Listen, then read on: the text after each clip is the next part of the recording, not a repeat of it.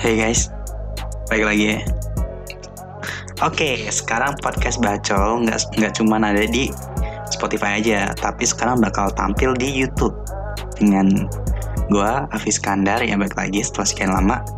Gue vakum dari dunia perpodcastan dan dunia broadcasting karena ya tau lah kalau sekarang gue udah mulai kuliah di Amikom jurusan teknik komputer dan overall ini kampus yang sangat sibuk banget guys ya. Kalau misal umumnya mereka bilang kalau anak kuliah itu full dengan PR tugas, PR dan something else yang mereka pelajarin dan dapat dari dosensinya dan kalau gue beda guys asli serius kalau tugas yang dibebankan ke setiap mahasiswa itu seru pokoknya seru. Dan gue pun harus punya proyek sendiri gitu. Jadi semester 1 udah punya proyek bayangin. Kalau umumnya kan harus semester 3 kan tapi gue semester 1 udah punya proyek. Nah di situ yang uniknya. Jadi ya mohon maaf kalau misalnya vakum selama kurang lebih kapan ya gue ending upload terakhir ya di Spotify? Kayaknya Septemberan kalau nggak salah atau Agustus lupa. Nah pokoknya di situ. Dan akhirnya gue bakal mulai lagi di sini dengan penampilan yang baru. Itu dengan kamera dan user interface yang ada videonya. Jadi intinya gue ngerekam lah gue upload di YouTube gitu. Intinya udah itu aja. Nggak usah ribet ya ribet banget sih. Oke. Okay. sekarang gue mau ngomongin apaan sih? Gue di sini mau ngomongin tentang gap year.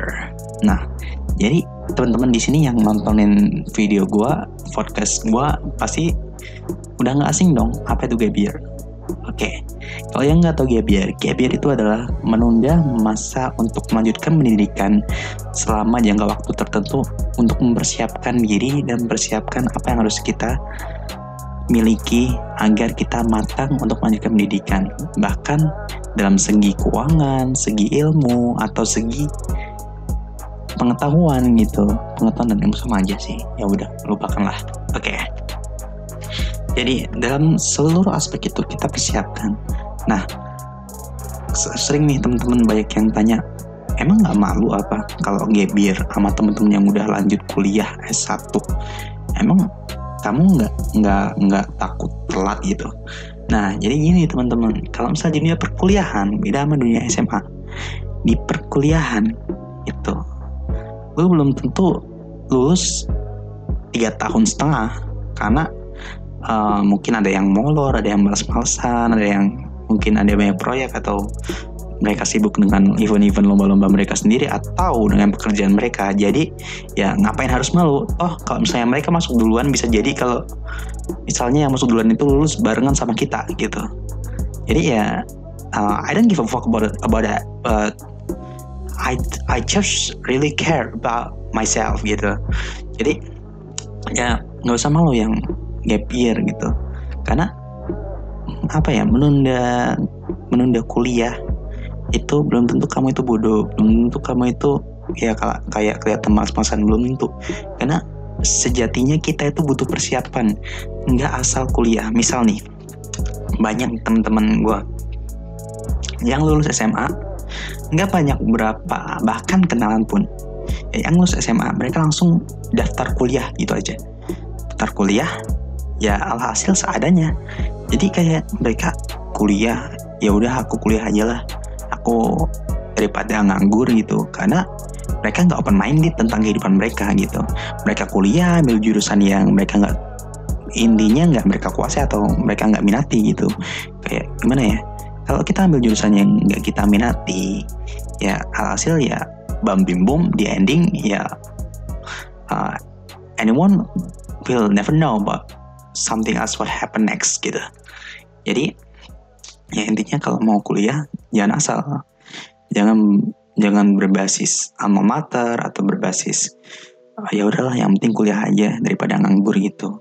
Karena sejatinya gap year itu bukan hanya sembarangan nganggur gap year itu adalah waktu di mana kalian mempersiapkan diri. Contohnya, misal nih, misal kayak gue ya, gue itu gap year karena gagal lolos tan. Dan bahkan karena punya niatan buat apply beasiswa luar negeri. Hasil gap year gue itu ya sangat worth sekali untuk mempersiapkan diri untuk ke depannya gitu. contohnya bukan contoh sih ini realitinya selama lulus SMA tahun 2018 gue belajar ke kampung Inggris. Di mana gue kira di kampung Inggris itu ya everything is such kita ngomong Inggris di setiap hari gitu dan uh, kita kayak something else. Hmm, kayak apa ya susah jelasinnya pokoknya.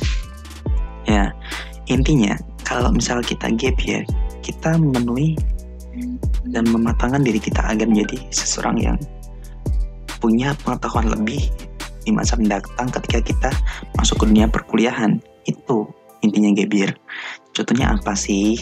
Misal nih saya gua kalau mis gua waktu kemarin itu ke kamu Inggris kan uh, ekspektasi gua kamu Inggris itu kayak full of orang-orang yang apa ya ya orang yang masih kuliah masih SMA gitu dan ternyata gua masuk Agustus itu di situ banyak banget orang-orang yang udah lulus satu udah lulus SMA dan mereka take time buat nunda waktu mereka untuk melanjutkan pendidikan buat belajar di Pare. Waktu gua tanya, kenapa kok gap year sih? Mereka bilang, kita butuh persiapan untuk melanjutkan pendidikan agar benar mateng. Nah, di situ ketika gua menemui beberapa teman-teman yang udah lulus satu, udah lulus S1, itu mereka banyak sharing tentang apa aja sih kehidupan di masa kuliah perkuliahan itu. Misalnya cerita tentang organisasi cerita tentang jangka waktu buat kuliah strategi-strategi. Gimana sih caranya biar lulus cepet atau gimana caranya biar mengambil hati dosen yang baik gitu Nah dari situ gue belajar gimana sih caranya biar be better for the next future when I school in the college.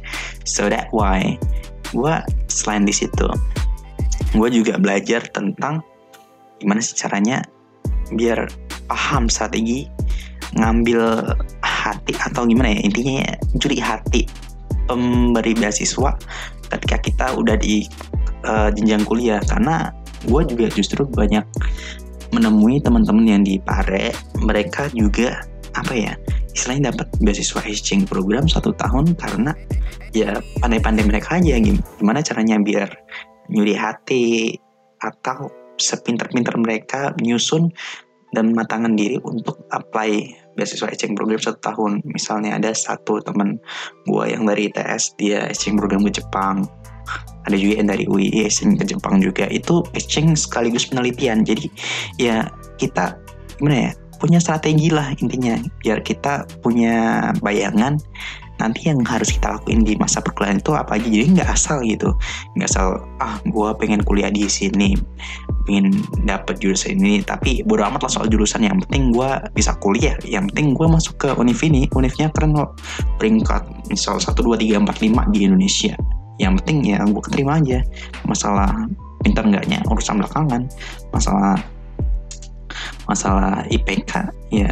Yang penting gue terima dulu aja untuk IPK entar proses gitu. Kayak apa ya pemikirannya ya nggak salah sih nggak salah. Tapi kurang matang aja kalau misal buat diri kita. Karena kita kuliah itu kalau menurut gue harus sesuai dengan minat bakat dan kemampuan otak. Kalau misal nih kita terjun di dunia IPS misal kayak sosiologi. Tapi minat kita nggak nggak nggak tentang sosiologi. Kita minatnya tentang matematika. Dan kita paksain tuh karena sosiologi menerima kita di universitas negeri kita ambil sosiologi. Alhasil apa yang kita lakuin sana ambil kan? Karena ya kita uh, anak-anak IPS belajarin sosiologi terus ada misal diri kita itu minatnya ke matematika tapi uh, tapi ya taruhnya di, di sosiologi. Jadi kayak uh, relate sih sama jurusan kita tapi nggak relate sama kemampuan kita. Jadi aspek yang kita harus perhatiin ketika mau masuk kuliah itu adalah pertama kemampuan otak. Kedua jurusan kita relate nggak sama kemampuan otak kita? Itu ketiga fasilitas itu karena ya yang ketiga ini sekunder tapi ini penting banget. Karena kalau kita asal kuliah ya bukan asal kuliah kalau kita asal ambil kuliah perkuliahan tanpa memperhatikan fasilitas yang menunjang ya alhasil gimana cara kita mengembangin itu semua? Coba apa kita harus mengeluarkan budget lebih banyak lagi? Jadi percuma dong kalau kita kuliah murah tapi ada budget yang gede yang harus kita keluarin lagi gitu. Mending langsung mahal aja. Nggak mahal banget sih langsung standar agak mahal gitu setara dengan something for example negeri ya. Karena justru gue jujur di swasta yang gue mengambil jurusan yang standar lah ya itu gue memperhatikan dari aspek fasilitasnya dulu. Karena aspek fasilitas itu it is important to boost our our idea to boost our knowledge gitu. Buat ngeboost diri kita biar supaya apa ya biar biar bisa ngeboost ngeboost cepet. Kayak istilahnya udah masih gaspol lah. Tentang ide-ide yang pengen kita keluarkan gitu. Nah lanjut lagi. Buat gap year ini masalahnya bagi lagi masalah gap year ya. Kalau misal dibilang ih kamu gap year tua mau tua tua sendiri loh mau jadi apa ntar kalau misalnya itu lulus? Udah keduluan sama temen yang lain. Udah bau tanah gitu. Dibilang gitu kan. Tapi ya I don't give a fuck about that because ya penerima beasiswa pun mereka kayak gimana ya? Mereka masih menerima kita kok. Misal kalau misal kita punya bayangan buat apply beasiswa ya mereka masih menerima kita kok sampai umur 30 tahun. Itu.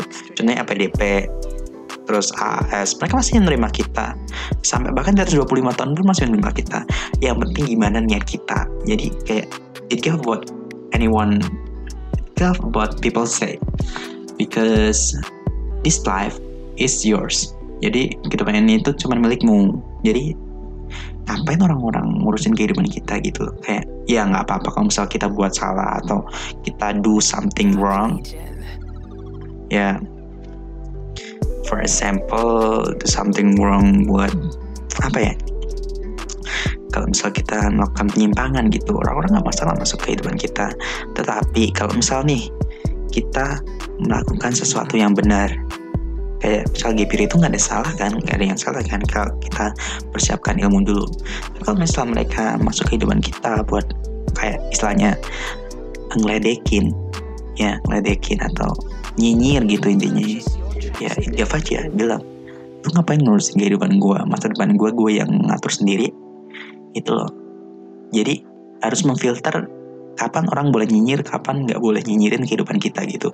Oke okay lah, kalau misalnya kita berbuat buruk, orang boleh nyinyirin kehidupan kita. Tapi misalnya, misal kita ya nggak ada sesuatu yang salah di kehidupan kita terus tiba-tiba orang datang nyinyir gitu aja, ya you must give other for them gitu.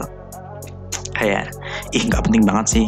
Nah, untuk orang-orang yang begitu, ya gimana ya kalau cara gue itu cuekin mereka balik kayak gimana ya tiap mereka itu itu contoh-contoh orang yang toksik tau nggak ciri-ciri yang toksik itu? Ketika mereka lihat kehidupan kita via story atau via medsos kita itu mereka pasti nyinyir. Tapi ketika kita masih diam-diam baik nih. Eh tiba-tiba mereka ngechat mereka butuh sesuatu kayak aku pinjam uang dong aku minta bantuin dong kayak oh my god what the fuck are you doing? Gitu. Kayak mereka nggak penting banget sih minta tolong ke kita sedangkan mereka nyinyirin kita kita aja nggak pernah nyinyirin mereka gitu. Kayak mereka butuh ketika hanya butuh aja. Tapi ketika nggak butuh mereka nyinyirin kita itu kayak something gonna wrong with you dude.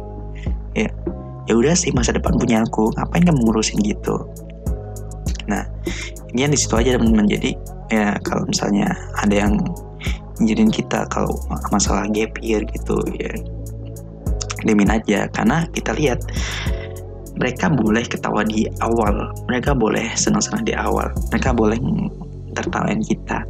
Dan kita boleh sengsara di awal kita boleh pusing di awal kita boleh punya banyak project di awal. Tapi kita lihat di akhir siapa yang bakal ketawa siapa yang bakal seneng siapa yang bakal have fun in the last of the life gitu. Apakah mereka yang bakal have fun atau kita yang bakal have fun? Karena ya banyak sih di luar sana yang orang-orang yang apa ya have a rotation with their life. Such uh, roda itu nggak nggak bakal berhenti buat berputar gitu there always weird oke okay, gitu maksudnya sih. Gitu. Jadi kayak ya intinya give aja buat something like mereka nyinyirin kita gitu. Intinya sih gitu aja sih dari kesimpulan gue di podcast kali ini. Oke. Okay. so thank you buat ngedengerin podcast gue yang istilahnya agak kurang atau ngebacotnya masih kurang karena uh, di sini tuh out of the context gue gak nyiapin persiapan konteks gue cuman jadi entem aja ya. Karena gue lebih suka ngomong kayak gini. Itu cuman di luar kepala gue aja. Jadi ya gue ngomong based on apa yang di pemikiran gue aja. Jadi apa ya kalau ngomongin podcast gue cerita kayak gini sama temen pun ya yang ada di kepala gue salurin aja kayak gue ngomong sama temen sendiri di podcast ini tapi kan kalau nungguin teman buat nyalurin cerita itu kan lama ya apalagi yang temen cocok itu susah temen yang cocok lo itu susah banget jadi ya uh, other way gue pakai podcast ini ya yeah. so thank you udah dengerin and waiting for the next podcast in Pachol channel. Thank you for listening my podcast and see you for next podcast. Okay, bye bye. Thank you and keep santuy.